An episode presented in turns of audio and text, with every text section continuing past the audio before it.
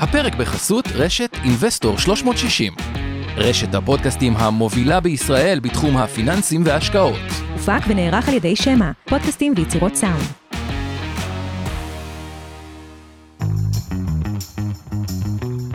מעוניינים ללמוד יותר על עולם ההשקעות? האזינו לפודקאסטים נוספים שלנו. המשקיענים, אבנר סטפאק ועומר רבינוביץ' מדברים על כל מה שחם בעולם ההשקעות בשווקים המובילים וגם ההזדמנויות בשווקים המתפתחים. אינבסטור 360 Live, אורן ברסקי ועומר רבינוביץ' מארחים את בכירי שוק ההון ועולם ההשקעות. כסף חדש, עם כל מה שרציתם לדעת על עולמות הקריפטו והפינטק, והפודקאסט השקעות למתחילים לכל מי שעושה את צעדיו הראשונים בעולם ההשקעות.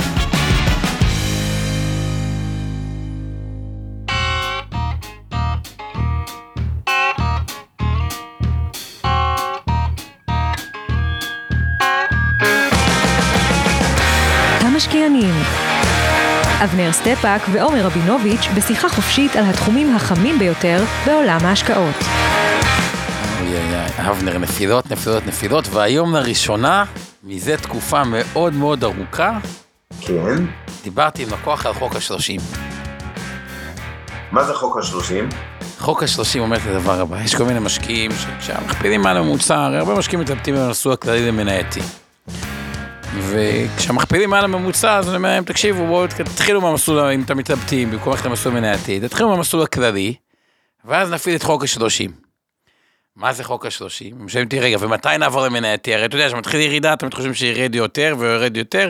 אבל תקשיבו, זה נכון, כשירד תמיד תחשבו שיורד יותר, אז בואו ניקח פתק, נרשום על פתק מתי אתם עוברים מסלול, כי אחרת זה לא יקרה בחיים. כי תמיד כשטוב חושבים שימשיך להיות טוב, ושרע, לא, האמת שטוב לא חושבים שימשיך להיות טוב, שטוב חושבים שיהיה יותר גרוע, אבל כשרע חושבים שיהיה יותר גרוע, אוקיי? כאילו בדרך כלל, אה, כשאתה מייד השקעות, כשטוב אנחנו בפחד, אוקיי? לפעמים קצת באזור הגריד, הרבה פעמים בפחד, אבל כשרע ממשיכים את הגרף ה- היורד כלפי מטה. כן. וחוק השלושים אומר, ברגע שמדד מרכזי, שמדד מרכזי זה או ה-S&P או הנסדק, ירד 30% מהשיא, אז כבר יש היגיון להחליף מהמסלול הכללי למסלול מנייתי, אני גם אסביר את התזה שלי, מה ההיגיון, אם כי פה זה טיפה טריקי, כי השוק בארץ לא ירד הרבה, וזה בעיקר בגלל טכנולוגיה, כלומר זה עוד לא אה, הכל, אבל חוק ה-30 זה חוק ה-30, כלומר צריך לרשום על פתק וליישם, כי אז עוד פעם נופלים לבייס, אז אני אסביר רגע את הלמה, ואז גם נגיע בפינת המכפילים ובעלי דברים, וכל משהו שאתה רוצה להגיד ככה ביום הדמדם זה? לא, יש לי המון מה להגיד, אבל נמשיך עם זה. זה, תן לי קצת לפרגן לכל מי שעושה פה במלאכה. יש לנו כמובן את איתן גרבר שעושה תרגום לשפת סימנים, אז כל מי שהוא חירש, לקוי שנייה, raise your hand, נעביר אתכם לפאנל, תוכלו לראות את התרגום. יש לנו את שיר פלדמן האלופה שעושה לנו את התמלול, מי שצריך לראות כתוביות. אה, גם מיכל ירמוך פה הערב איתנו, אז אה, מתמללות לנו את המשדרים. אה, ואתם מוזמנים ללחוץ על קלוד קפשן אה, בזום ולראות את המשדר. אנחנו מודים לאורן ברסקי, עמי ארביב ואור חלמיש על העזרה בתוכן, מהצוות שלך, באינבסטור, אורית טולדנו על הפודקאסט, אור אריאל האלופה האופטימית, ממשקיעים בדרך כלל עצמאות כלכלית, ועל כולם מנצח עוז גצליק הגדול מהבית, שמשדר, שמנהל את השידור. אז הנה אמרנו ופרגנו, ועכשיו בואו ניכנס לעניינים. יש לי טונה שמה להגיד, על האקטואליה, על כל הצרות האלה, וסיכום עונת הדוחות היא חלק מה, מהאקטואליה כמובן, אבל uh, הדוחות האלה כבר נראים פרה-היסטוריה, נקרא לזה, עם כל מה שקורה בשוק המניות ביממות האחרונות. דוחות טובים עם ציפיות או הפחתת ציפיות אה. דרמטית למשקיעים? כן.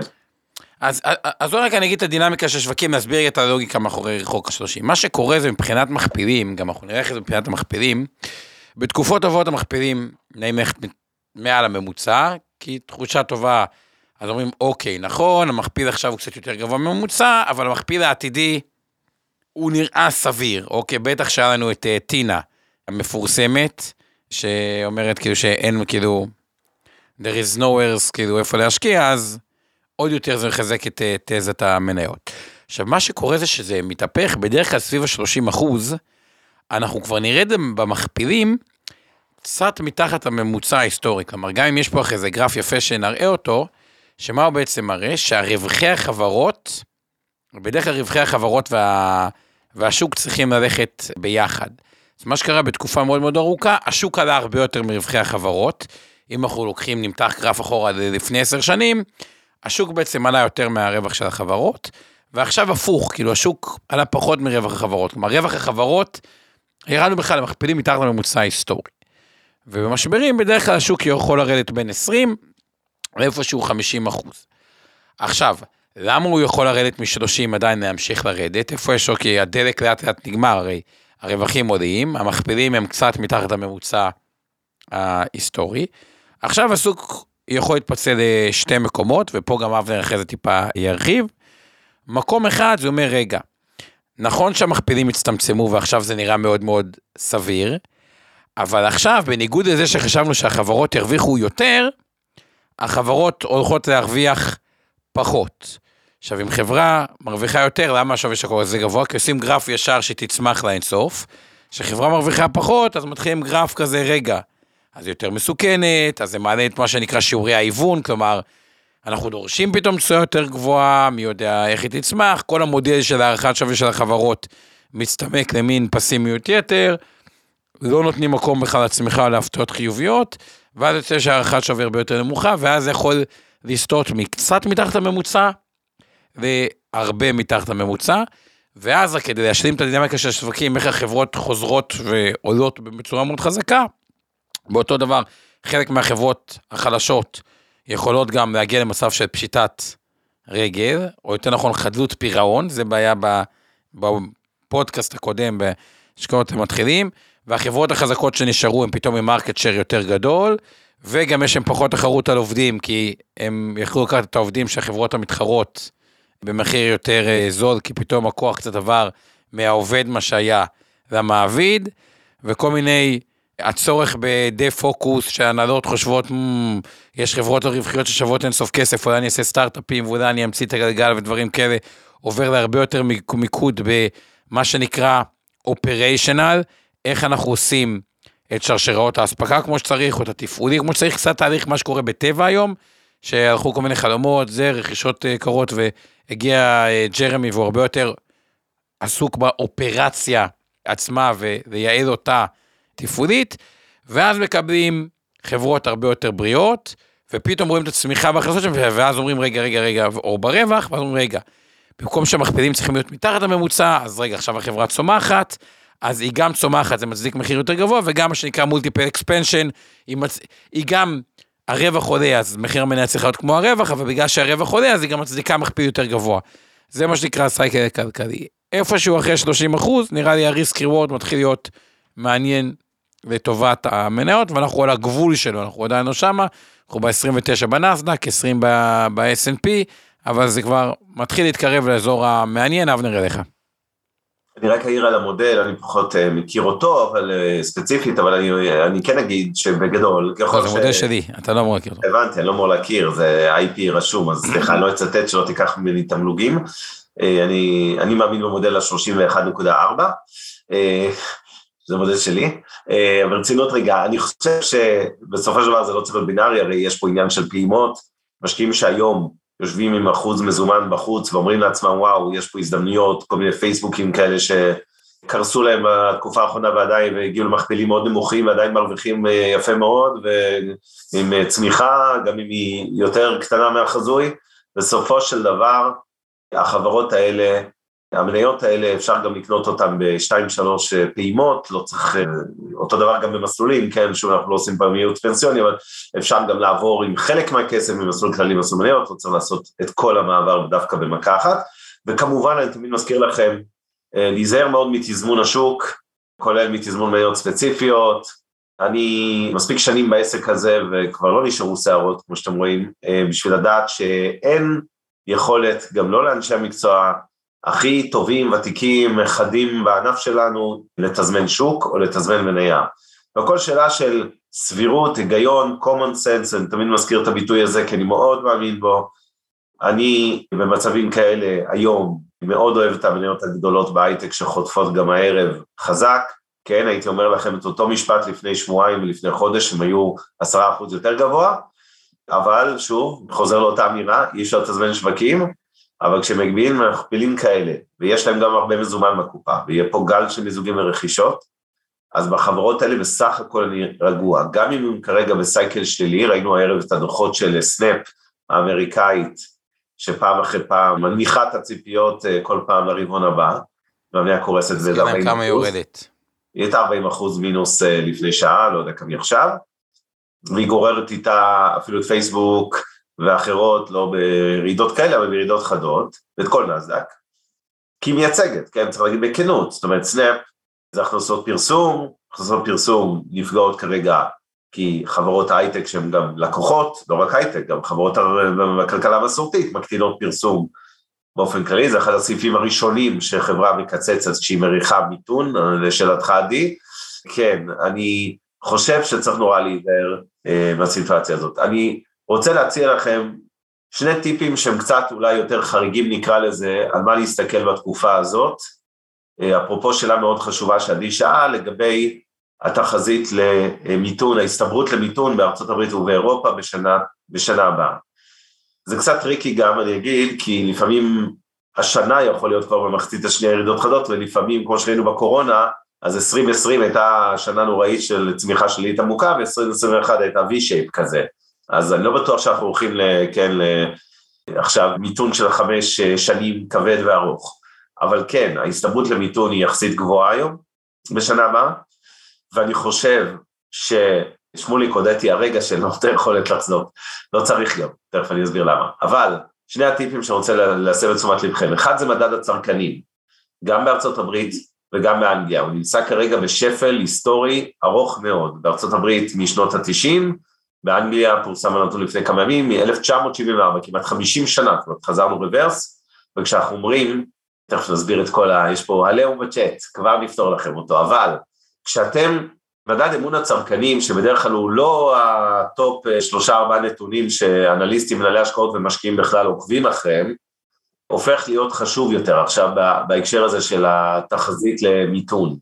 כי זה מדד הבאסה של הצרכן האמריקאי בעיקר, שמתורגם מהר מאוד אגב לצריכה פרטית בפועל, לא, זה לא כזאת תחזית אה, גדולה צחי ושמוליק, לראות שאם מדד הצרכנים מאוד נמוך, אתם רואים את זה בדוחות הכספיים של אותו רבעון, גג רבעון אחרי. זאת אומרת, זה לא משהו שאינדיקטור מקדים, שאתם רואים אמון הצרכנים הנמוך, אז בעוד אה, שנה אולי נראה בעיה בדוחות. הבעיות מתחילות כבר עכשיו, לא סתם חברות מורידות את התחזיות שלהן קדימה, תחזיות הצמיחה, או אפילו חלק מהם צערם אי צמיחה, אמון הצרכנים הוא נתון ראשון. נתון שני, שגם בדרך כלל אנחנו אה, כמשקיעים מאוד רוצים, אה, מאוד נוטים להסתכל על כל נושא הדוחות רווח והפסד, ודי מתעלמים ממאזנים, אז פה אני רוצה להציע שהשנה הזאת היא שנה שהמאזן הופך להיות מאוד חשוב, בעיקר כל נושא המינוף של החברות. המינוף הזה מייצר שתי בעיות כרגע, בעיה ראשונה זה כמובן שהוצאות המימון בעלייה חדה, כי הריבית שעולה וכולי, בעיה שנייה, וזה בולט מאוד בחברות הנדל"ן, אגב גם אה, בעיקר, לא, לא יודע בעיקר, אבל גם החברות הישראליות פה, והבעיה השנייה היא כמובן של אותם מאזנים זה התזרים, זאת אומרת יש חברות שצריכות השנה יתרה מזלן מה שנקרא והן צריכות למחזר את החוב שלהן, הם גיסו אג"חים לפני שלוש שנים, נניח שהאג"ח הזה נפרע בסוף שנה הזו, יש להם עוד חצי שנה להחזיר עכשיו 100 מיליון דולר חוב. היום למחזר חוב בשוק ההון או בעוד רבעון לצורך העניין, עלול להיות משימה מאוד קשה, במקרה הטוב היא תעלה בריבית הרבה יותר גבוהה מהריבית שבה החוב הזה גויס בעבר, במקרה הגרוע יכול להיות שיש חברות שייכנסו ממש לקשיי תזרים. שוב, זה מיעוט, אה, לא רוצה להפחיד יותר מדי, אני חושב שכל החברות בצורות צרורות, אבל בהחלט צריך להיזהר היום מחברות ממונפות, שבדרך כלל אנחנו פחות מודאגים כשהריבית אה, נמוכה, במיוחד שהצפי להעלאות הריבית בתקופה האחרונה עלה גם לעומת כל מה שהכרנו לפני שלושה או שישה או תשעה חודשים. אה, כן, עכשיו, גם מה שאבנר אמר לגבי הצרכן, תחשוב על זה, הוא משלם יותר ריבית על המשכנתאות, יותר ריבית על ההלוואות, יותר על הדלק שלו, יותר על הנסיעות שלו, וגם נשאר לו פחות אה, תמיכות קורונה, ובאמת נשאר לו פחות גם כאילו... זה מבזבז, אבל אני רוצה רגע עוד רגע שתתייחס לדוחות, כי אנחנו בזה הדוחות, אבל תמשיך אבנר, סורי. כן, אז אם רק הזכרת את נושא המשכנתאות, אז אני אגיד בארצות הברית היום הריבית המוצעת המשכנתאות היא מעל חמישה אחוז, שזה מאוד אה, דרמטי, אה, גם בישראל היא כמובן בעלייה חדה, במיוחד הריביות הקבועות, זה יפגע בשוק הנדל"ן, שואלים אותנו פה כמה שאלות על מניות הנדל"ן. תראו, אה, סקטור הנדל"ן זה לא סוד, גם אני, זה אחד, ה, אחד הסקטורים המומלצים של מיטב היה רק לפני פחות מחצי שנה, כשעשינו את כל הפודקאסטים האלה של תחילת שנה, ולשמחתי משם ברחנו בזמן, לא מכל מקום, אבל שוב, מזל, לא שכל, כי המניות האלה טסו, המשיכו ברבעון הראשון, אתם זוכרים, עלו מאוד חזק, ומצד שני כבר היה ברור שהריביות הולכות לעלות משמעותית, ומחירי הדיור שעלו מהר מאוד בישראל, במיוחד, זה כבר התחיל להפחיד, כי זה כבר לא סתם בועה, זה בועה עם הרבה מוגלה, ולכן היום אני פסימי על סקטור הנדל"ן, למרות הירידות האחרונות בו, גם בנדל"ן מניב וגם בנדל"ן למגורים. אני מדבר על בישראל כרגע. בארצות הברית תשימו לב שהמקרו של הנדל"ן הרבה יותר גרוע מהמקרו בישראל של נדל"ן. כלומר, יש ירידה חדה כבר במכירות בתים, יש אפילו התחלה של ירידות מחירים בבתים בארצות הברית, מה שלא ראינו בשנים האחרונות, וזה עלול להיות מסוכן, וזה שוב חוזר לאותו מדד אמון הצרכנים, שהופך להיות אה, אינדיקטור חשוב לכם כמשקיעים לעקוב אחריו. לגבי, אני אסיים רק עם ההערה של, השאלה שלך של ציוויה, לגבי חברות הבנייה, חברות הבנייה, אה, שוב, אלה שהם קבלנים נקרא לזה, אז זה בדיוק נופל על שתי הבעיות, אחת זה המינוף והריבית וכולי, והשני, אם השוק הזה קצת נכנס לאיזושהי בעיה של מחירים, והמחירים יירגעו פה, אז חלק מהם שוב, תלוי אם הם רק קבלנים או קבלנים ויזמים, אתם יודעים שבישראל הרבה מהחברות עושות גם וגם. אלה שעושות גם וגם, הבעיה שלהם שהם קנו מלאי קרקעות, חלקם לפחות, בשנתיים האחרונות במחירים מטורללים. הם בנו על המשך עליית המחירים כל הזמן. זה לא מודל עסקי, אוקיי? לבנות על המשך עליית ערך אה, של דירות, אחרי 18 שנה זה קורה רצוף. ואז בהרבה מהפרויקטים האלה, אם יש שינוי בשוק הנדל"ן, ממש יפסידו כסף. אבל גם חברות שהן נטו קבלניות, שוב, פה זה מאוד תלוי בניהול. הווליום של דירות בישראל הערכתי, זה הבשרות הטובות לגבי שוק הנדל"ן בישראל, אני חושב שהיקף המכירות לעומת ארה"ב שחובה כרגע ירידה, היקף המחזור של דירות בישראל, גם בגלל שיש מחזור ריאלי אמיתי וגם כי היה שיווק אגרסיבי של רשות אה, רמ"י, רשות אה, מקרקעי ישראל בשנתיים האלה, וגידול בהתחלות בנייה וכולי, אז הם, בוא נגיד, אם הם פיור פיור פיור בנייה, לא יזמים, והם נועלים טוב, אז הם לא בהכרח יפסידו המון מהדבר הזה, אבל שוב, הכל חוזר למינוף. אגב, צריך לזכור, אחרי הירידות, אאורה לדוגמה ב-12 חודשים האחרונים פלוס 80 אחוז, אפריקה מגורים פלוס 15 אחוז, דניה סיבוס פלוס 20 אחוז, אחרי הירידות, כלומר, כן, הם כן, עדיין כן. אה. סך הכל אחרי עלייה. אגב, אה, תשימו לב, אם אנחנו קצת מדברים על אה, סיכום עונת הדוחות, חברות התקשורת, אתה יודע מה, בוא תעשה את פינת המכפילים. בוא, נעשה את זה יותר מתואר. אוקיי, נעשה את זה מסודר, כן. אז בואו נתחיל ככה. אוקיי, אז רק אני אומר את הדבר הבא, דיברנו קצת על חוק ה-30, ההיגיון אגב זה עוד ירידה, אם תהיה בשוק, זה התאמת מחירים.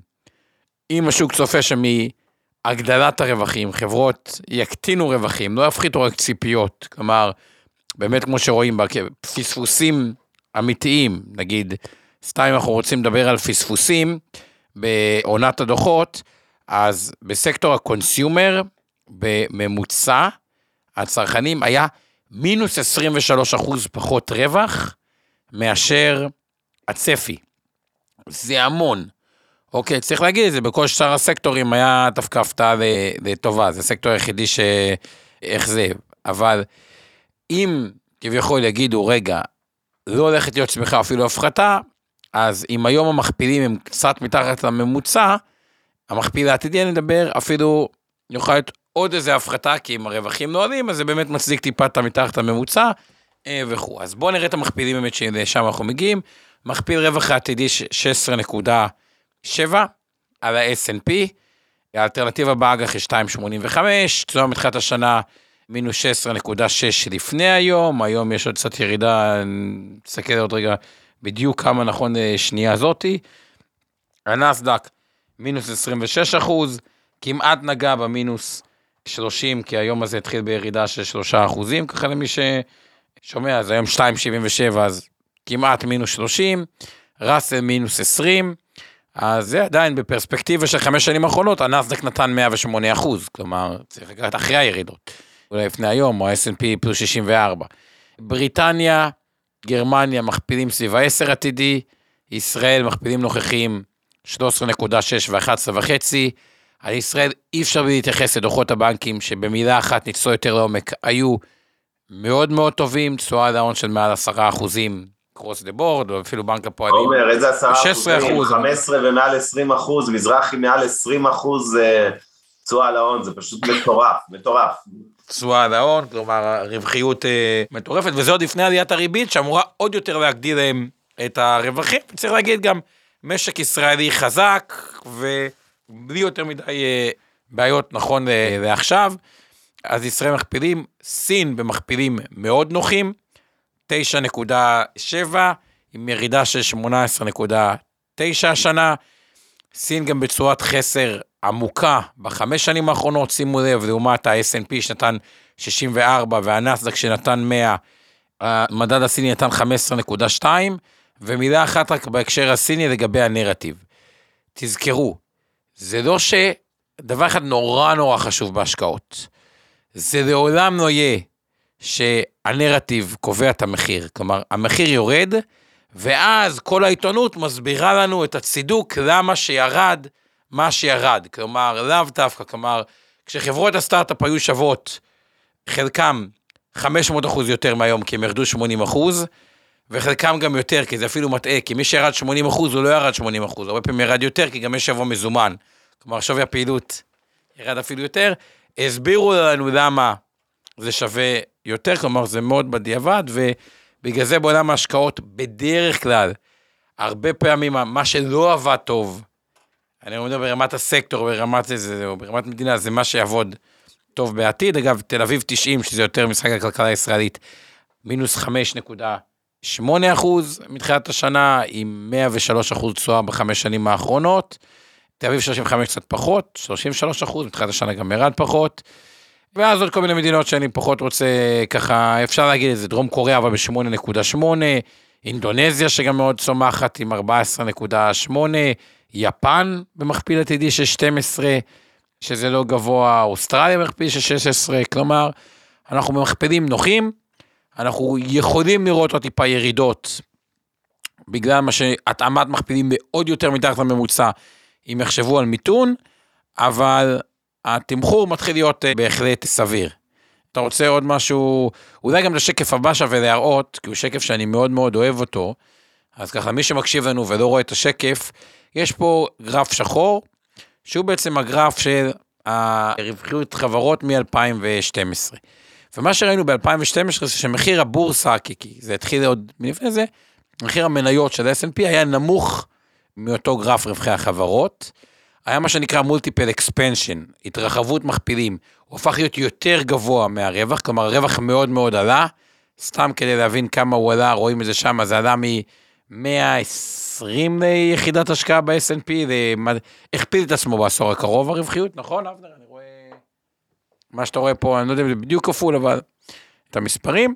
והשוק יותר מהכפיל את עצמו, ועכשיו אנחנו פעם ראשונה רואים את החצייה למטה, כלומר, שרווחי החברות עלו יותר מה-S&P, כלומר חזרנו לממוצע, וזה למרות שצריך להגיד, זה ברמת הדוחות הכספיים עצמם, אם אני מסתכל אקרוס דה בור, כלומר אפשר להתחיל לסכם את עונת הדוחות ב-S&P, מתוך 100% מהחברות, 3% זה מה שנקרא תיקו, התחזית והמציאות היו אותו דבר, 20% אכזבו, אבל 77 נתנו תחזית, הפתיעו לטובה מהתחזית האנליסטים בארצות הברית. מה שפגע בעיקר זה התחזית קדימה של אותם החברות, שהיא הייתה מאוד נגטיבית. אבנר בוא תרחיב טיפה, ואחרי זה נעבור באמת סקטורים בישראל, בזה, או אנקדוטות מעניינות מתוך הדוחות עצמם.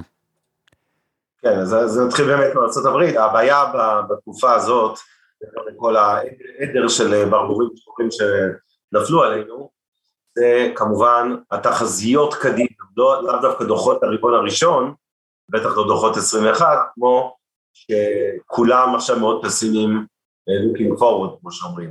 וזה מה שמוריד כרגע את שוק המניות בימים האחרונים, כולל עם הדוגמה של Snap הערב. ואני חושב שכרגע הבעיה זה באמת הצטברות של איזה, קראתי איזה עדר של ברבורים שחורים, לפני שאני אצלול לדוחות הכספיים ותחזיות, בעצם כשאתם חושבים על זה, תראו כמה דברים בחצי שנה. יש לכם אינפלציה משתוללת, בעקבותיה הריבית שעולה, יותר מהצפוי, כי זה שהיא הייתה אמורה לעלות, ידענו כולנו, זה לא מידע חדש, הקצב הוא המידע החדש, יש לכם את סין אוקראינה, אה, סליחה, אוקראינה, רוסיה, סין טיוואן, סין אה, קורונה, שזה בעיניי פקטור מאוד משמעותי, כי כל הסגר הזה, האגרסיבי והאלים שהסינים עושים שם עכשיו, במטרה למנוע את התפשטות הקורונה, אני מזכיר שהמערכת בריאות הציבורית, אנשים לא, לא כל כך מבינים למה הסינים עושים את זה, אבל uh, אין שם מערכת ציבורית, רפואה, כמו בישראל, אז אם חלילה זה מתחיל להתפשט דרמטית, נכון שזן האומיקרון הוא יחסית יותר קל או פחות קשה, אז uh, כרגע כל הברבורים השחורים האלה שהתנקזו אלינו, כולל uh, כל, כל, כל הגורמים שהזכרתי, וסין קורונה הוא גורם uh, דרמטי, כי בסוף זה שוב מחזיר אותנו לדיונים האלה על שרשרת הייצור, ובעיות בשרשרת האספקה, ובעיות בצד ההיצע. עכשיו, מה קורה כרגע בארצות הברית? מצד אחד, תשימו לב לדוחות למשל של חברה כמו טארגט האמריקאית. הדרמה שאתם צריכים להבין אותה אה, מתחוללת בשורה שנקראת רווח גולמי, אוקיי? כי בעצם מה קורה? אנחנו רואים שהחברות, שיעור הרווח הגולמי שלהם יורד, בזמן שההכנסות כבר לא עולות כמו שהיה קודם. אז אם ניקח את טארגט כדוגמה, ההכנסות עלו בקצת יותר משלושה אחוזים בלבד, בזמן שהרווח, שיעור הרווח הגולמי באחוזים מההכנסות ירד מ-29 ל-27 אחוזים. השני אחוז האלה זה נתון מאוד משמעותי, הוא גם מייצג מגמה. למה זה קורה? מחסור חמור מאוד בעובדים, ממש חמור. אין כבר את המהגרים, אה, כן, מתקופת אה, לפני טראמפ, שמילאו את שוק העבודה ברגעים כאלה, השוק בתעסוקה מלאה, מאוד קשה להשיג עובדים, לא רק בהייטק בישראל, למרות שעכשיו אולי יהיה קצת יותר קל, אלא גם בארצות הברית, עובדי צווארון כחול, לא... זה, והשכר עולה במהירות, וזה משתקף גם באינפלציה כמובן, אבל מצד שני, עכשיו הצריכה הפרטית תתחיל לדעתי להתכווץ, אוקיי? יש כבר סימנים ראשונים כמובן, וזה אותו מדד שהזכרתי קודם, מדד אמון הצרכנים, שאני חושב שהמשקל שלו בהחלטות ההשקעה שלכם, במעקב אחרי השווקים, צריך לגדול עכשיו. כי הוא הופך להיות אינדיקטור מאוד חשוב. נכון שאמריקאים הם במאניה דיפרסיה כזו, שזה באמת יכול להתהפך מהר, כמו שאמרתי, אבל כרגע לפחות זה לא נראה טוב, ולכן התחזיות קדימה של החברות, למרות שהם פרסמו דוחות אה, לא רעים לרבעון הראשון, חלקן או רובן אפילו, וכמו שעומר אמר, גם היכו את התחזיות אפילו ברבעון הזה, למרות הירידות בשווקים, הכלכלה הריאלית עדיין יותר חזקה יחסית, זה כבר כנראה לא יראה ככה אה, קדימה, וכולם עכשיו מנמיכים אה, ציפיות, גם בגלל בעיות של סין ומשבר האספקה, וגם בגלל הבעיות של הצריכה הפרטית, שלראשונה מזה זמן ארוך נראית, נקרא לזה בסיכון. עכשיו, אם תחזית הצמיחה העולמית ברמת המקרו, דיברו על 4% צמיחה השנה, אוקיי? ועכשיו כבר כמובן הציפיות הן יותר נמוכות בגלל כל מה שקורה גם בסין והנמלים והאטה משמעותית ב, ב, כן, בשרשרות אספקה וזה משפיע על שבבים ועל תשתיות ועל הובלה ימית, כן, אולי צים עוד פעם תחגוג. תוסיפו לזה, אפרופו עדר הברבורים, חורף קרמה רגיל, שמגדיל את הביקוש לחימום באירופה, אפרופו כל מלחמת רוסיה-אוקראינה, כן, והעצירה של אספקת הגז, עלייה במחירי הסחורות, עכשיו מדברים על אה, צפי לעונה חקלאית יבשה, זה שוב יעלה את מחירי הסחורות החקלאיות, כן, אה, נקרא לזה יובש, ובעצם באיזשהו מקום יש באמת בעיה בכל העולם כרגע, כן, צריך להגיד בכנות. עכשיו, הרבה מהברבורים האלה, ואני אוסיף כמובן את, אה, בקטנה הסכם גרעין איראן, בגדולה דיברנו על האינפלציה ועל הריבית, הם ברבורים קצרי טווח, לכן אני לא רוצה ל, ל, להדביק אתכם בפסימיות יתר, כי אני לא עד כדי כך פסימי על שוק המניות, אני יותר פסימי על הכלכלה מאשר על שוק המניות. איך זה מסתדר האמירה הזאת? כי פשוט שוק המניות הגיב בעיניי בצורה, תלוי איפה ואיזה סקטור, אבל בצורה יחסית קיצונית וירידות חדות לנסיבות. ולכן כשאני מסתכל על מניות כמו פייסבוק, שנסחרות במכפיל של פחות מ-15 היום, ועוד יש להם מזומן בקופה, שזה בעצם נטו אולי מכפיל, לא יודע, 13 וחצי, לא בדקתי בדיוק את המזומן, והיא עדיין צומחת, גם אם היא כבר לא תצמח בקצבים הקודמים, אז אני מסתכל על מניות הטכנולוגיה הגדולות, אה, חברות התשתיות, התעשיות הביטחוניות, כל מיני תעשיות שהן יותר דפנסיביות נקרא לזה, הן לא, בחלק מהן נוצרו הזדמנויות השקעה מאוד מעניינות. הנדל"ן עדיין לא, כי הוא, הוא הרבה יותר רגיש לעליות הריבית ולסנטימנט הצרכני בארצות הברית, אני מדבר על נדל"ן בארצות הברית כמובן, בישראל זה טיפה שונה, אבל גם רגיש לעליות הריבית, פחות לסנט... בוא נגיד, אין בעיה של סנטימנט צרכני בישראל לגבי שוק הנדל"ן כרגע, אולי תהיה בעתיד, אבל כרגע השוק עדיין חם נקרא לזה, ולמעשה, תשימו לב לעוד נתון מהדוחות הכספיים של העונה הזאת, שאולי למעט הום דיפו אמריקאית, רוב החברות דיווחו על צמיחה שהיא נמוכה מעליית המחירים, לכן כמו שאמרתי, אנחנו רואים בעיה ברווח הגולמי, וטארגט היא בדיוק דוגמה טובה, ורוב הבעיה הזו מגיעה מעליית שכר, אוקיי? וכמובן גם מהבעיה של מלאים ושחרור כל השרשרות האספקה. ואני אגיד לסיום או לא לסיום, אני אעביר את המיקרופון אליך, אומר עוד רגע, שתשימו לב גם, עשינו סמינר פה, או פודקאסט על כל נושא מניות ה staples, ממש לא מזמן, לפני כמה שבועות. תגיד רק staples בהגדרה למי שלא מכיר. זה החברות, בוא נגיד ככה, זה, ה... זה בדיוק החבר... הטרגטים והחברות שכן, המוצרי בסיס האלה שלכאורה הם יותר זה. גם שם יש ירידה בנכונות של צרכנים כרגע לרכוש. גם מוצרי יסוד, ברור, לא לדאוג, ירכשו מזון וכולי, אבל אם אנשים היו מוכנים להוציא 100 דולר קודם, בטח לא מוציאים יותר, וכמובן קונים פחות מוצרים באותם 100 דולר בגלל עליית המחירים. בקיצור, בסופו של דבר, אני מסתכל על מה שקורה היום בעולם, ברמה שאני מודאג מהמקרו, קצת יותר מהממוצע נקרא לזה של אנליסטים, אבל דווקא ברמת המיקרו אני חושב שהשוק כבר הגיב בצורה די משמעותית, אני חושב שיש שם הזדמנויות קנייה להגדיל נגד המגמה, אני אף פעם לא עושה את זה בפעימה אחת, ואני מזכיר שבכלל כל מה שאנחנו עושים פה היום זה לא ייעוץ השקעות, לא תחליף ייעוץ השקעות שיהיה מותאם לצרכי נכסי כל אדם, ולא המלצה לבצע איזושהי פעולה, גם לא לקנות נגד המגמה. אבל, וכמובן אם אנחנו מזכירים פה פייסבוק וכל מיני מניות, אני חושב שאנחנו מחזיקים אותם בתיקי הלקוחות של 10-360, בתיקי השקעות, קרנות האמון פעולות הסל, קרנות הפנסיה, הגמל וההשתלמות של מיטב דש, מיטב סליחה, אז בסופו של דבר, אני שם בארצות הברית, כרגע בעיקר מודאג מהמקרו, מצנטימנט הצרכנים, יש הרבה מה להגיד על ישראל ועל הדוחות כאן, אבל עומר בוא נעבור אליך ואחרי זה נחזור, תמשיך אולי לארצות הברית ואז נעבור לישראל. רק להוסיף, אני חושב שבשביל לפעול לא בוואקום, בסוף צריך בשביל להיות משקיע יותר טוב, או באופן כללי, גם בתכנון פיננסי, שזה מה שאנחנו עוסקים פה באינבסטור, היא state of mind מאוד מאוד ברור. ולתפיסתי, כאשר השוק בטח הגיע לשוק דובי, כלומר ה-S&P ירד ב-20%, הנסדק כמעט 30%, ה-state of mind הוא חייב להיות מתי הגיע הזמן, מסכים גם לגבי הנושא של מה שאבנר אמר, פעימות, איפה ומתי הגיע הזמן להגדיל, בין אם יש, ישיר או בין אם דרך גופים אה, מוסדיים, ולדעתי זה כ-state of mind, זה, זה הדבר הנכון לעשות אחרי ירידה כל כך אה, דרמטית, וגם עדיף להחליט לפני זה דברים כתובים, ופחות רק להיות מושפע ממה שאבנר אמר. ברמת המאקרו, כי מהניסיון שלי שני הטעויות המרכזיות של משקיעים, אגב, גם כולם חוטאים בזה, גם אני חוטא בזה לפעמים. כשהתקופה, אם לא עובדים עם דברים כתובים, כלומר, יש מניה, אני קונה אותה עם איזושהי אג'נדה, ואמרתי, מה סיבת הקנייה? עכשיו, סיבת הקנייה יכולה להיות שתיים, אוקיי, נגיד בבנקים, אצלי לפחות זה היה, ובזה דווקא עמדתי, אוקיי, היה מכפיל זול בקורונה, וכשככל שהבנק עולה למעל מכפיל 1.1 או משהו כזה, הוא כבר נהיה פחות...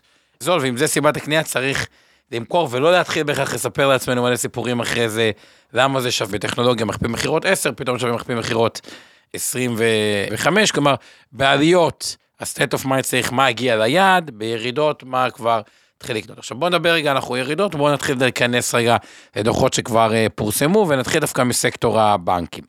הסקטור הבנקים, בואו נראה מבחינת תמחורים איך, איך אנחנו מגיעים.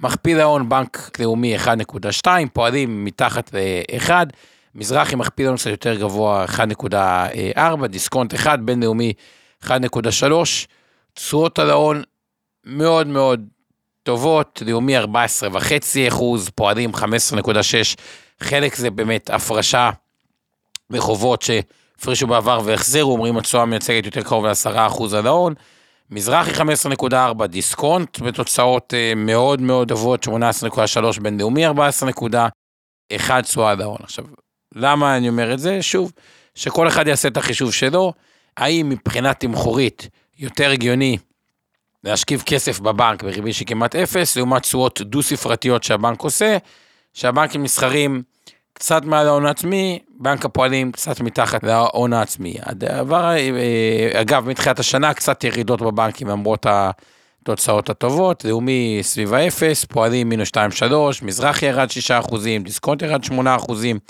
מהבחינה הזאת, כשהעוד שם גדל והתוצאות היו מאוד טובות, אז ראינו תוצאה טובה לבנקים, שזה דווקא אמור להחזיק את ישראל במובן החיובי. אה, הדבר היחידי, הבנקים בישראל לא מתמחרים מיתון בישראל, באיזשהו מקום, בצדק, כי בנדל"ן המניב אין בעיה, להפך, תפוסות קרוב ל-100 אחוז. האזרח הישראלי חסך כסף, מצבו יותר טוב. המדינה, וואלה, אין לנו גירעון, מדינת אה, ישראל.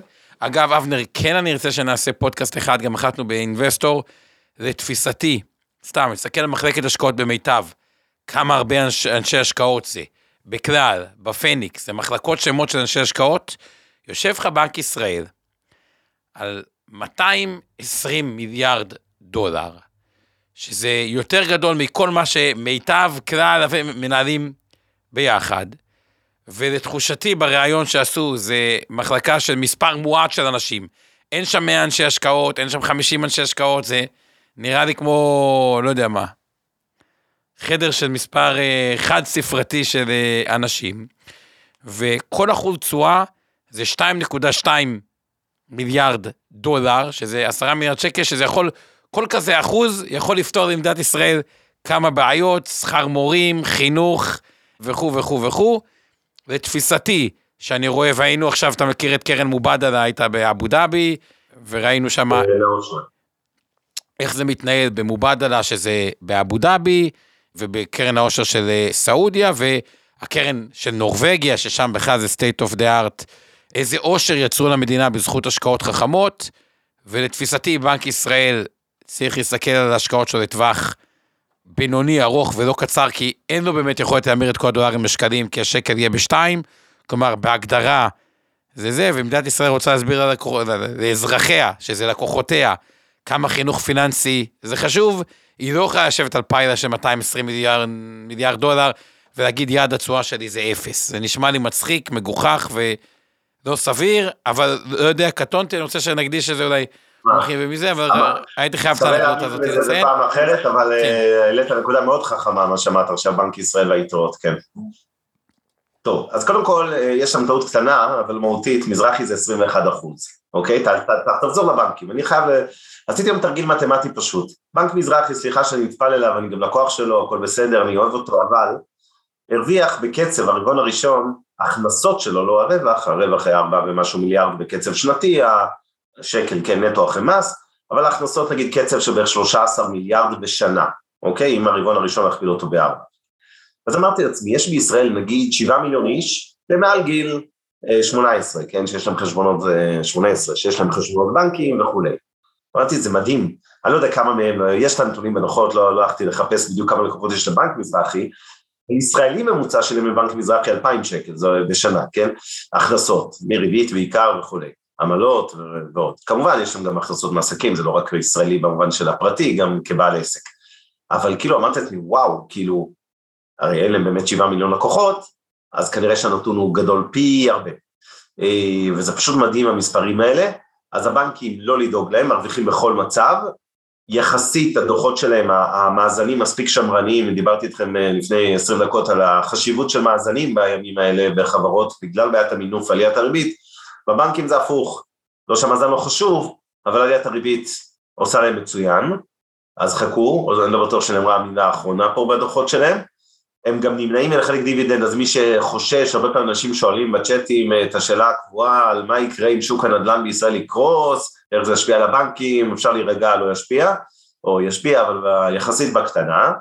אני חושב שהבנקים, אה, גם כמו שאתם יודעים כבר לפני כמה חודשים, שהם עוצרים את המימון בנדל"ן, קודם כל ליזמים קבלנים, הריבית עלתה על משכנתאות אז זה יקטין בהגדרה כנראה באיזשהו שלב גם את uh, קצב המשכנתאות החדשות, עוד לא רואים את זה אבל אני מניח שזה יגיע כי אין מה לעשות, קשה לקנות דירה ולשלם uh, uh, 4% ריבית קבועה לא צמודה, או פריים שהולך ועולה מחודש לחודש או מרבעון לרבעון, ולכן, אבל למרות זאת אני לא מודאג לבנקים כל נושא הנדל"ן, יש להם אגב נדל"ן, הרבה נכסי נדל"ן חבויים כן, ראיתם את העסקה שבנק לאומי מכר את בית ההנהלה שלו באיזה 600-700 מיליון שקל לפני כמה שבועות, יש עוד הרבה כאלה שמתחבא שם, נכסי נדל"ן אטרקטיביים שלפעמים רשומים גם בכל מיני עליות היסטוריות. בשורה התחתונה, בנקים היו ונשארו סקטור יחסית מומלץ, עוגן ותיק בעיניי, ממצואות של חלומיות כאלה, אנחנו כל הזמן אני הסתכלתי, ראיתי ככה בגוגל, במקרה זה כתבה, דוח פושר לבנק הפועלים. עכשיו זה התייחס אומנם לרבעון השלישי או הרביעי, לא לזה של היום, אז אמרתי, איך אפשר לקרוא לרווח כזה דוח פושר? אז הפושר היה שמעריכים קדימה שהתשואה תרד, או התשואה האמיתית היא לא סתם 12, 14, 15, 16, אלא רק אה, פחות מ-10 אחוז, לא נכון, אה, לא לדאוג. כל רבעון אנחנו נשמע את הקטנה הזאת אה, של הציפיות, אבל הם ירוויחו טוב מאוד, ולכן המניות האלה למרות מכפילי ההון, שבחלקם כמו מזרחי הוא מאוד גבוה, 1-4, אני חושב שכסקטור, אני לא אכנס למניות ספציפיות, הסקטור הזה בהחלט הוא סקטור דפנסיבי, מי שחושש ממיתון, לא שהבנקים לא ישבו ממיתון, תמיד זה עניין של אלטרנטיבות, תזכרו את זה, זה לא שאני בטוח שהבנקים יעלו מעכשיו ועד סוף שנה או בעוד שלוש שנים ב-100 אחוז, כמו שאני אומר, באופן יחסי, כשאתם מחלקים תיק מניות היום, ובטח בתקופה של עדר הברבורים השחורים שנוחת עלינו, זה בטח צ'אנק לא קטן מתיק ההשקעות, שהוא נקרא לזה יותר דפנסיבי, אה, גם אם הם חלקם קצת עצרו דיבידנדים, אני לא נבהל מזה, זה לא הסיפור העיקרי במניות בנקים, שנים הם לא חילקו דיבידנדים ועדיין המניות עלו חזק, בסופו של דבר התשואות שלהם פשוט פנומנליות. אז רק לגבי זה, הבנקים... רגע, רגע, חולק על הידי, אומר הם עם אה, אה, בטא גבוהה מאחד. אתה צודק בדרך כלל, אבל אני אגיד למה אני לפחות חושב כרגע, כאילו, הוא חולק עליי בהגדרה של בנקים בסקטור דפנסיבי. ברור שבנקים לכאורה בגלל כל נושא האשראי הרבה יותר אה, מושפעים חזק ממיתונים ומחיקות אשראי וכו'. אבל נגיד לצורך העניין שנניח שיהיה מיתון, הוא יהיה שנתיים ולא חצי שנה, היא תהיה עלייה בחדלות הפירעון גם של אשראי עסקי וגם של אשראי אה, משקי בית. אשראי משקי בית בכלל, יכולת הגבייה שם היא לא רעה, בטח בסגמנט המשכנתאות, שה-LTV מה שנקרא, loan to value, מספיק נמוך כדי שגם אם מחירי דירות ירדו, הבנקים יקבלו את החוב שלהם. אבל בואו ניקח את המקום היותר קשוח, שזה האשראי העסקי. אז אם הם אה, מלווים כסף ב-X, בונים על אה, סתם, על אה, שיעורי חדלות פירעון מסוימים, ויהיו איזה שנתיים קשות והם יהיו יותר גבוהים, אז הם לא יעשו תשואה של 13, 14, 15, 16, אלא רק 7-8 אחוז, שזה תסריט שחור.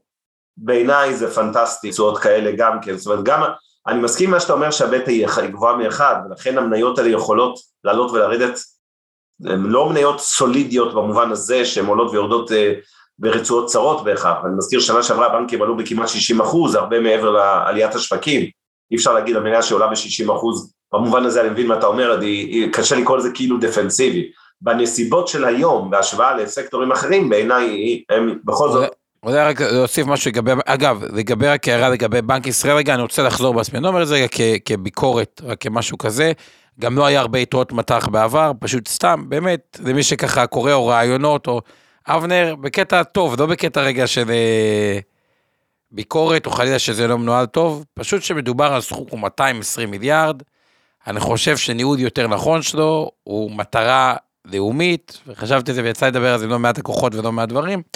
וככה לקחת את זה קצת בצורה יותר מאוזנת, פשוט רק להציף את הנושא. לחזור רגע לבנקים, הבנקים בישראל נהנים מתנאים מאוד טובים. מי שהיה את משבר הבנקים בשנות ה-80, אחרי זה זה די Keep it simple. Keep it simple זה, מצד אחד יש את ציבור הלקוחות הישראלי שהוא מאוד שמרן, עם אחוז פקדונות מאוד גבוה, כלומר, ה-cost of capital שלהם. כלומר, הם היו מוכנים לתת לי עומר כסף בחינם, אולי יותר קל לי להרוויח. לבנק דה פקטו מוכנים לעשות את זה.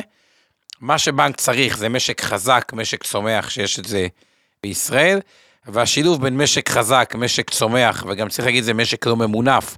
זה כאילו מרגיש שישראלים ממונפים, אבל אין פה משכנתאות ריבית בלבד. רוב הציבור שקנה נדל"ן בעבר צבר הון, רוב מי שמקבל ירושות באיזשהו גיל, לא משנה כל אחד.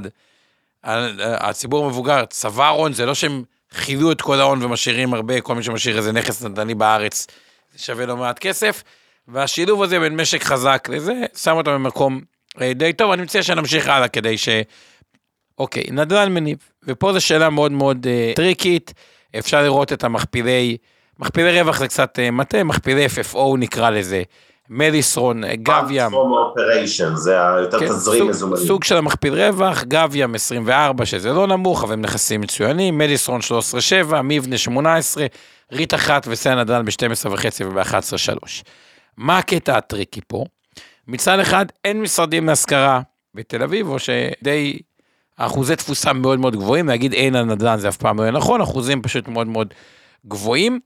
ועוד דבר, כשמשלמים את המשכורות הייטק שמשלמים היום, ועשו לי חישוב לא מעט אנשים את זה, נגיד בן אדם לוקח עשרה מטר ממשרד, והוא לא לתפיסתי, כמה בערך אומרים אבנר, בן אדם בשטח כולל השטח הציבורי, תופס שטח. בהייטק זה מקובל יותר 13-15 מטר אה, ברוטו לעובד, המטר שעליו משלמים את הדמי ניהול לארנונה וכמובן שכר. הדירה, בין 13 ל-15. יפה, אז, אז קונספט עשה. בן אדם, דיברתי סתם דוגמה, זה, זה לא משנה אם זה בכיר מאפל, מייקרוסופט או זה, והוא עושה את החישוב הבא, תראה, נגיד על העובד אני משלם 100 שקל יותר בשביל להיות במשרד הכי טוב, במיקום הכי טוב, כלומר במקום 150, 250 שקל למטר. בסוף זה יוצא עוד 1,500 שקל במונחי עלות מעביד, שזה בערך 1,000 שקל לחודש.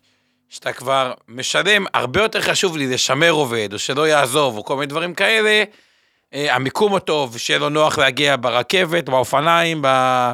אה, לא משנה מה זה, או הטיפת שיפור, או השף הפרטי, או לא משנה מה, כי העלות גיוס של עובד חד, חדש, או שימור, או כל הדברים האלה, היא כבר הרבה יותר יקרה לי. כלומר, דווקא בסגמנט של הנדל"ן המאוד מאוד איכותי, מה שנקרא best location, best, כאילו, הטוב שבטוב, פתאום מקבלים מחירים לא שפויים. מישהו אמר לי שרצו בבניין, את המחיר, דיברו איתי על 280 שקל למטר בתל אביב, במשרדים בשרונה, תראו, ומישהו אחר לקח את זה במחיר עוד יותר גבוה, אני לא זוכר מי כבר סיפר לי את זה, זה לא הרבה עסקאות ככה, זה לא כלום, שפעם זה היה במחיר הרבה פחות, אבל הנושא של השכר נהפך להיות כל כך גבוה יחסית ל...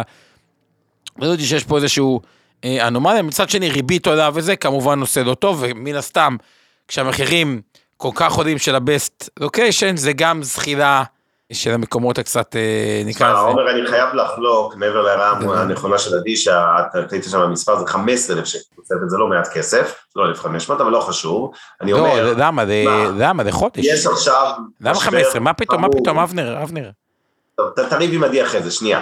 אני חושב שאתה צודק, לא חשוב. יש משבר חמור עכשיו בהייטק, דני בדיוק כותב על זה גם בצדק. זה לא צחוק, ואם אינטל עכשיו מודיע שהוא כבר אה, לא משחרר, אבל לא מגייס, ולאט לאט, בקיצור, כולם יורדים היום, או, או בוא נגיד עוצרים את הזה. אני לא חושב ששוק הכוח האדם של ההייטק הולך לרדת דרמטית, אבל אני כן יכול להגיד לכם מסטארט-אפים שאני מושקע בהם, ושהתקשו מאוד בגיוסים, ותמיד היו מגיעים להם רק קורות חיים של כאלה בוגרים טריים של אה, יוצאים מהצבא מכל ה-8200, אבל לא אנשים שעבדו כבר אה, במגזר העסקי, היום פתאום מגיעים קורות חיים מכל מקום, יותר קל לגייס היום, הנדל"ן לא יחזיק מים, החברות האלה שהמניות שלהם נשחטו ב-50, 60, 70, 80, 90 אחוז בנסדק, לא ימשיכו או לא יעברו למשרדים, בטח לא בהיקפים שהם תכננו, ב-150 ו-200 ו-250 שקל, רוב חגיגות ההייטקס מאחורינו, המסיבות של פורים בשנה הבאה לא יהיו דומות למסיבות של פורים שהיינו רק לפני כמה חודשים, תאמינו לי, משהו משתנה וזה ישפיע גם על הנדל"ן המניב, אני אה, ממש, ואני אוסיף עוד דבר. רגע, שנייה, שנייה, רק אבנר שלא חלוק עליי, רגע. לא, לא, שלא יצא זה. רגע, רגע, תן לי לסיים, מה זה? בוא. שנייה, תן לא, כבוד לקשיש. שאל תגיד שאתה חלוק עליי, רגע, שאני. אז לא, אולי לא חלוק, אולי אתה מסכים איתי, בסדר. כשחברה מספרת לי שהיא יצאה לפני ארבע שעות ממגדל העמק לתל אביב, ולקח לה ארבע שעות נסיעה, ואני יודע שהיום היה תאונה בכביש 6 וזה, אבל תשימו לב מה קורה לשוק התחבורה. זה ישפיע גם על נדל"ן מניב, יש קשר הדוק. בסוף, כשאתם יושבים במקומות שהיכולת להגיע לעבודה, כי הרכבת הקלה להזכירכם עוד לא שם, כן, היא עוד מעט, עוד אותו, אבל גם לא בכל מקום, אני חושב שיהיה פער גדול בנדל"ן מניב, אגב, בין אלה שיושבים קרוב לרכבת קלה לבין אלה שלא, היום הרכבת קלה נראה משהו מאוד דמיוני, אנחנו לא מכירים את זה, אבל כמו שבניו יורק ולונדון מנכ"לים נוסעים אה, ב tube וב underground, גם בישראל זה יגיע, אבל בינתיים אנחנו בפיגור, הפקקים האלה אה, לדעתי יפגעו בנדל"ן המניב, יהיה כן מעבר לפריפריה, אני יכול להגיד בגאווה שמיטב כל הזמן מגדילה את כמות העובדים שלה בצפון, אה, יש לנו פעילות גדולה בעמק הירדן, ובדיוק חנוך, אני כבר עושה את זה עשר שנים, יש לנו היום כ-180 עובדים נדמה לי בצפון, וזה רק ילך ויגדל. כי הנדלן שם עולה לי גרוש וחצי, אני שוכר שטח ב-15 שקל למטר ולא ב-150, ואני לצורך העניין, אה, בוא נגיד באזור שיותר קל יחסית לגייס עובדים מאשר היום במרכז, למרות שאולי זה קצת ישתנה, נראה. ואני חושב שהרבה מאוד חברות יעשו את זה, וזה אגב, אם יש תוצאה מבורכת למשבר הזה, אפרופו פינות חברתיות, זה בדיוק זה, שמדינת אה, תל אביב אה, תצא קצת מעצמה לפריפריה, הגיאוגרפית, לא רק החברתית, ולדעתי בתהליך הזה, חברות הנדל"ן המניעים, משילוב של מה שתיארתי עכשיו, התחבורה, סיום חגיגות הייטק או פגיעה משמעותית בחגיגות הייטק, וכמובן עליית הריבית, המינוף וכל הצרות האחרות, שמשם בכלל מתחיל הבעיה, אני קצת פחות אופטימי על החברות האלה, ואני חושב שהם ירדו יחסית לשווקים ולכל מה שאנחנו רואים, אמנם בתל אביב הירידות היו מתונות באופן כללי, הם לא חטפו מספיק, נקרא לזה בעיניי, ביחס לסקטורים אחרים. אוקיי, אז א', אני מסכים עם אבנר, אני רק אוסיף, אני אמרתי את הקטע הטריקי, זה את כל המחירים הגבוהים שאמרתי, ואז התפרצת, אה, התלהבות שאני מסכים איתה, אני רק רוצה להוסיף עוד דבר, למה אנחנו לא כל כך אוהבים את הסקטור הזה, ולפחות אנחנו, שוב, זה לא משקף את דעתי ולא את דעת אינבסטור, וכמובן שכוחותינו מחזיקים, אבל שאנחנו בחשיפת חסר הסקטור הזה, אני לא אוהב, כאילו, לכל מה שאבנר אמר, תוסיפו עוד נתון אחד. נכון להיום עיריות בישראל מנוהלות בצורה שעל האזרח הפשוט, כלומר, האזרח, הן מפסידות עליו כסף, כי גן ילדים עולה כסף והרבה שירותים עולים כסף, וכל עירייה ראתה את אה, תל אביב כמה היא עשירה, החליטה שהיא רוצה גם פארק תעשייתי, אז זה נכון לפתח תקווה מה שבונים וכו', וזה בהגדרה תחום שהסופליי בו כל הזמן עולה. וכשהוא יפגוש אולי את אותו משבר שיגיע, עלולה להיות פה בעיה, כי עודף סופליי בתחום הזה הוא, הוא בעייתי, כי זה מוסיף סופליי על עלויות דמי ניהול וארנונה וניהול מבנים מאוד מאוד גבוהות, וזה מייצר מצב שהוא אה, מעט כאוטי, אבל זה התמחורים שלו, ואפשר להסתכל על זה מכל מיני uh, צדדים. חברות בנייה, דיברנו עליהן בהתחלה, אז אני לא אחזור, רק אני כן אגיד שהנושא של התחדשות עירונית, יש בו קונספט שהוא מעניין, כי בעצם ההוצאה הכי גדולה בנדל"ן זה מגרשים, והתחדשות עירונית מונעת את הצורך במגרש, מה שמייצר מבנה הוני יותר נכון. כלומר שהעלות בנייה מגיעה רק כשכבר יש את כל האתרים, לא צריך לשבת את הקרקע הרבה זמן, זה מייצר משהו שהוא יותר נכון, עם המורכבות של כל מיני פרויקטים, פינוי-בינוי כאלה ואחרים. אה, קמעונות ומזון. כאן זה גם שאלה מעניינת, על פניו תמחורים די סבירים. 16.1 רמי לוי, שופרסל 17, טיב טעם, מכפיל 12.1, 3.8, מתחילת השנה טיב טעם ושופרסל קצת ירדו, רמי לוי דווקא מחזיק יפה, צריך להגיד רמי לוי גם יש הרבה כסף בקופה, אה, טיב טעם מבחינת מכפילים נראית יותר אה, אטרקטיבית. למה אני אומר טיפה tricky? שאלה אם חלק מהעלויות שהם יאכלו או לא יאכלו, הגופים האלה רגישים לכל הכתבות, העלו מחירים וכו' וכו' וכו' וכו', אפרופו לראות איך הם אה, מסתדרים עם זה שאין להם פגיעה בשולי הרווח. שתיים, הולכת להיות כניסה לדוגמה קרפור, 7-11, מחמי שהולך בתל אביב, בתור מישהו שגר במרכז תל אביב, שדרות חן, לא חסרים אפשרויות קנייה. כאילו, יש באותו אזור מאוד uh, צר, גם את שופרסל, גם את טיב טעם, גם את ה-APM ש, ש, שרוצים, ונראה שכולם uh, uh, רוצים, וגם אם הם הרבה כסף ומזומן לעשות את זה. ואם זה מכפילים מאוד uh, uh, די נוחים, ונהנה מסופר טרנד שמדינת ישראל בגודל האוכלוסייה, היא בגידול ובצמיחה, אז ככה, דעתך אבנר על הנושא של חברות קמעונות? כן, סליחה, קודם כל זה מעניין לראות שסקטור שנחשב שוב יחסית דפנסיבי, עלול לסבול אה, גם מעוד ריבוי תחרות, אפרופו הקרפור שהזכרת, וגם, אה, למרות שהיא משתלטת על כמובן אה, סניפים קיימים במידה רבה, אבל אם תהיה, אם יהיה מיתון, אפילו אם יהיה קצר, אבל כבד, יכול להיות שאנשים גם בתחום הזה נראה איזושהי פגיעה, בוא נגיד זה ככה, מכפילים מספיק נמוכים, או סבירים, שזה נקרא לזה סקטור עוד יחסית מעניין. הוא לא הכי אטרקטיבי, אבל הוא, הוא כן סקטור שאמור להיות במשקל כזה או אחר בתיק ההשקעות שלכם. אוקיי, okay, בוא נמשיך הלאה קצת לטכנולוגיה. ובישראל אני מחלק את הטכנולוגיה לשתי סגמנטים. יש מה שאני קורא מערכות מידע, שזה יותר על הדיגיטציה הישראלית, והטכנולוגיה חילן, מטריקס, מלם. ויש מה שאני קורא טכנולוגיה יותר גלובליות, שזה נובה, מיטרוניקס, אודיוקודס, פיריון, נייס, טאוור, קמטק וכל מיני חברות, כל אחת בתחומה. אז מן הסתם אפשר לראות פה חברות הטכנולוגיה היותר גלובליות, יוצאי טאוור שנרכשה על ידי, אה, אמורה להירכש על ידי אה, אינטל, אם ניקח את נייס, אחרי ירידה די חזקה של 32 אחוז, פיריון נטוורקס אחרי ירידה של 15 אחוז, אודיוקודס מינוס 33 אחוז, מיטרוניק שהיה לה דוח טוב, מינוס 21 אחוז אה, מתחילת ה... לא? כן. דוח מעולה. כן, שאני אומר דוח טוב, דוח ממש אה, מעולה, אגב, בכלל, כל כך אוהב את התעשייה הקיבוצית, אני רוצה להגיד לך, סוג זה של, פשוט מדהים. סוג של דואופול כזה בעולם. מיטרוניקס תפסה נישה מדהימה עם הובלות, כאילו באמת, שאפו אנשים לא גדול, עשו גם הרבה כבוד. אה, מיטרוניקס מייצרת רובוטים לניקוי בריכות, בעיקר בריכות ביתיות, אגב גם מוסדיות, חברה מישראל, מהקיבוץ בתנ"כים שם, או יד התנ"כים, ופשוט מדהים, זו עוד דוגמה, זו דוגמה סופר קיצונית לטובה, ושוב, אני בטוח שאנחנו מחזיקים הרבה בנייר, אז אה, בבקשה, אה, יש לי עניין בחברה הזאת, אבל אני רוצה לפרגן גם למיטרוניקס וגם בכלל לתעשייה הקיבוצית, זה פשוט מדהים איזה מהפך. החברות האלה שבשנות ה-80 הובילו את הקריסה הכלכלית של ישראל פחות יותר, לא החברות הספציפיות, אלא הקיבוצים, זה פשוט מדהים איזה turnaround, אתה רואה את התעשיות הקיבוציות פעם אחרי פעם, יוצאים משם דברים פשוט מטורפים. שש וחצי מיליארד שקל שווי. שש וחצי מיליארד בקיבוץ קטן, שהוא בעל השליטה בסיפור הזה, זה פשוט מטורף.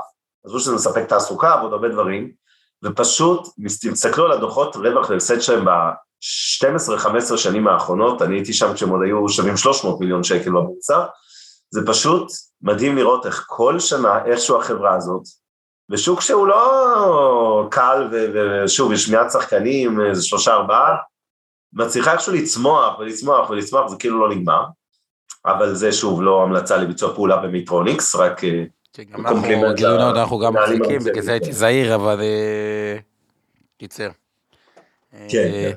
הלאה. פה אני רוצה להתייחס למשהו שהוא נכון לגבי אלביץ', כולם אומרים ביטחוניות, זה היה נכון לגבי ראדה, זה היה נכון לגבי קמדה וכל מיני חברות ביוטכנולוגיה, ופה יש פה איזשהו משהו שאנחנו ברגשות מעורבים כלפיו, אוקיי, או אני לפחות. מה הכוונה? מן הסתם שמתחילה המלחמה בין אוקראינה לרוסיה, היה מצופה שאלביט מערכות תעלה, ואכן עלתה. אוקיי, כמו שכל חברות התרופות, סוג של עלו בעקבות הקורונה, כי מי תמציא את החיסון לקורונה? קודם זה שם אותם נורא במוקד, וכתבות, ומה זה RNM, ואולי כל חברה היא תמציא את אה, גל התרופות. אממה, אוקיי? בסוף, כשמסתכל על מכפילים, מכפיל 38 לצורך העניין, צריך לזכור, הרבה מהחברות האלה, סתם דוגמא, אלביט מערכות, היא חברה שהיא די פרויקטלית. כלומר, פרויקט אחרי פרויקט, נכון שיש צבר הזמנות וזה ארוך ודברים, והוא כנראה יעלה, אבל אני חושב הרבה פעמים כגישה שמשהו הופך להיות המוקד, והמכפילים עולים הרבה מעבר לממוצע ההיסטורי, ברגשות מעורבים, לא ישר כי זה המקרו הת- התומך בזה, צריך לזכור שיש מקרו, אז גם עלויות עובדים עולות, וזה מתחרה בהייטק, וגם יכול להיות שחברות דומות, קיצר זה לא, לא כל הדבר הזה ככה, רק את שני הזוויות, כלומר, אני חושב שצריך לתפוס גישה, מאו... כל מה שבמוקד, באופן כללי, זה לא משנה מה, התחילה קורונה, אז החברות שרפואה, התחילה זה החברות של המלחמה, לוקיד מרטין, אלביט מערכות, שמן הסתם אה, נהנו, שהיה את הבום בטכנולוגיה, כל מה שבמוקד, קחו בחשבון שחלק מזה מתומחר מזה. יכול להיות שלא הכל, רק עם הזהירות הנדרשת, כי כאילו כולם על זה, ותחשבו על ועדות השקעה של גוף מוסדי, מה הדבר הכי קל? להמליץ, בוא נגדיל במה שכביכול עושה common sense מקרו כזה שכולם יכולים להעביר, אבל בוא נראה רגע את ה... אני, אני אשמח רגע להתייחסות שלך, אבנר, לאו דווקא כן. לאלביט, אלא יותר למניות שהן בלב העניין. זה תשמע, סתם כדוגמה. בכלל, אני מסכים עם מה שהקטגוריה הבאה, אם תורד שקף רגע למערכות מידע, אה, החברות מצוינות, הן אה, אחלה דוחות, אבל אה, בוא נגיד ככה, אני, קשה לי מכפילי 25 ל-30, כשפייסבוק במכפיל פחות מ-15, אז יסלחו לי וואן חילן, מטריקס, מלאם וכו', מלאמתים אגב עם ת', אבל לא חשוב, החברות האלה, הן לא זולות, הן אולי חברות טובות, מנוהלות היטב, צומחות ברווח, אה, שיעור סביר כל שנה, צומחות יפה לאורך זמן, יפה מאוד אפילו, אבל אה, במיוחד שבישראל בדרך כלל יש discount של מכפילים לעומת אה, שווקים בחו"ל, אני לא קל עם התמחור הזה. לגבי טכנולוגיה יותר הארדקור, אין כמעט כאלה בישראל, אז יסלחו לי הרשימה המצומצמת הזו, שחלקה היא גם יותר לואו-טק. אגב, מיטרוניקס, כן, היא לא ממש חברת טכנולוגיה בינינו. נכון, התלבטתי, זה כאילו תעשייה, אבל כן, לא ידעתי איפה להכניס אותו. לא חשוב, אני מסתכל רגע, אני רוצה להתייחס דווקא ל... אני קראתי לזה, זה לא חברות טכנולוגיה, זה יותר גלובלי כן. אני רוצה להתייחס דווקא לארצות הברית, לחברות שם הטכנולוגיה. החברות הגדולות שנשחטות גם כן, אה, אולי בשיעורים יותר נמוכים מהחברות הקטנות והבינוניות, נראות הרבה יותר אטרקטיביות היום בעיניי. אני כל הזמן נזהר, אנשים נוטים אה, לקפוץ על המניות האלה שיורדות 50, 60, 70, 80, 90 אחוז, ואז מפסידים עוד 30 אחוז. כמו שאני תמיד אומר בציניות, שלהרוויח אפשר מאות אחוזים, המזל הוא שלהפסיד אפשר רק 100 אחוז במניות, אז אה, בוא נגיד ככה, אני הרבה יותר מעדיף שאתה, רוב הפנג נקרא לזה, את המייקרוסופט, גוגל, אפל וכו', ו- ופייסבוק מאוד. עכשיו הייתי אומר לכם את זה גם לפני שבועיים, זה לא שאני גאון גדול, כן? זה לא שאני יודע לתמחר, כמו שאמרתי. לתזמן את השוק ואת המניות האלה. אבל כשאני רואה אותם ב-170, לא זוכר מה, לפייסבוק, אז זה בהחלט... ו- ומכפיל, כמו שאמרתי, פחות מ-15, פשוט לא, לא עושה היגיון בעיניי להתעלם מהם מתיקי השקעות ביחס להרבה דברים אחרים. ולכן בכל סקטור הטכנולוגיה אני עדיין נותן משקל יתר לגדולות, למרות השחיטה הגדולה במדינות הקטנות ובינוניות, כי שם זה גם סיפור מיקרו. זה לא לקנות תעודת צה"ל עכשיו של כל ה-small cap או mid cap של ההייטק, כי יהיו חברות שהתאוששו חזרה מהר, המניות שלהם שירדו ב-70-80 אחוז, ויהיו כאלה שלא נעים להגיד, אבל dead man walking לעוד הרבה שנים. ושם צריך ידע והבנה מאוד מיקרואיסטיים בעיניי. נכון, בכל החברות הבינוניות צריך להבין את המנוע. בדיוק. האם המנוע הוא טוב כמו שחושבים שהוא טוב, וזה דורש איזושהי התמחות. תראה, יש עוד חברות ועוד סקטורים, אבל אבנר עוד מילה, עוד מילה טכנולוגיה בזריזות. אחת הבעיות בחברות הקטנות והבינוניות האלה, זה חוסר שקיפות, לא ברמת חלילה החברה או ההנהלה, אלא הם עצמם אין visibility, אוקיי? הדברים משתנים מהר מאוד, אם ראיתם את הדרמה סביב Snap שצונחת ב-40%, זה בדיוק הדוגמה. לפני חודש הוא כבר מודיע שמנמיך ציפיות, אחרי זה דוח כספי מחורבן, אחרי זה עוד פעם מנמיכים ציפיות קדימה, וזה לא נגמר. וזה לא נובע בהכרח מאיזה כשל ניהולי, זה נובע במידה רבה מזה שפשוט הדברים קורים מהר בסקטור הזה. וחברות פתאום עוצרות תקציבי שיווק וזה פוגע, ועוצרות ומאפות את קצב הצמיחה וכולי, קצב ההוצאות, יש, יש המון גורמים שמשפיעים שם, וכמובן הריבית העולה לא עושה טוב כשאתם עושים DCF, מה שנקרא, שזה, כן, היוון תזרים מזומנים בעברית, לחברות טכנולוגיה שממילא בקושי מרוויחות שקל היום, וכל הסיפור הוא כמה הם ירוויחו בעוד חמש שנים, אתם יכולים להבין שככל שהריבית עולה, המחיר המניה צריך להישחט.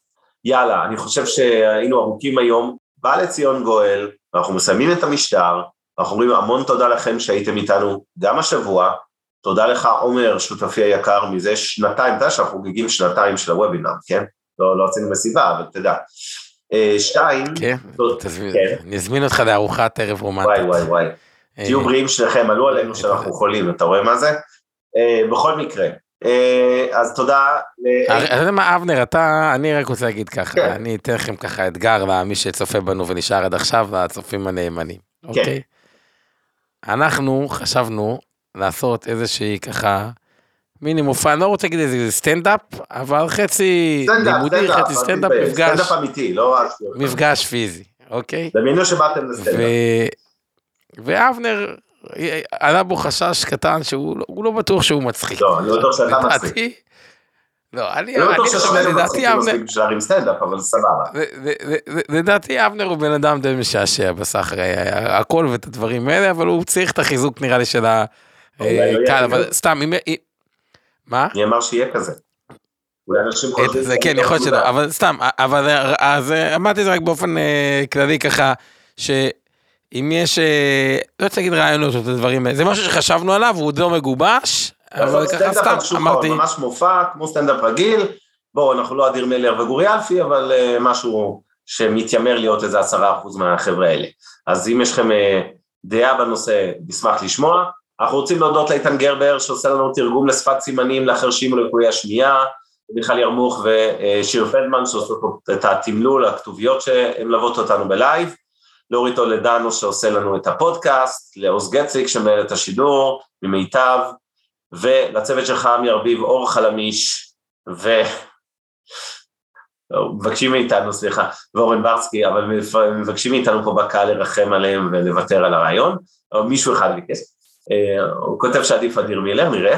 אה, בכל מקרה, אה, תודה לאור אריאל, האלופה, משקיעים בדרך לעצמאות כלכלית, אחלה קבוצת פייסבוק, ואני אבוא עם לבוש מגניב, אני מבטיח, איזה איסיניאקי, קום דה גרסון, משהו כזה עצבני, לא לואי ויטון, לא לדאוג, אני לא באלה. יאללה, אז ניפגש פה בשלישי הבא, נתתם לנו גם רעיונות על מה לדבר, אבל נראה, בקיצור, אנחנו נארגן את זה. אה, תודה לכולכם, ושוב, תעשו טוב, זה חוזר עם ריבית והצמדה, והיום הצמדה זה הרבה כמו שאתם יודעים, אז אה, תודה ולילה טוב. לילה טוב. מוזמנים להאזין לפודקאסטים נוספים שלנו, המשקיענים, השקעות למתחילים, Investor Live וכסף חדש. הופק ונערך על ידי שמע, פודקאסטים ויצירות סאונד.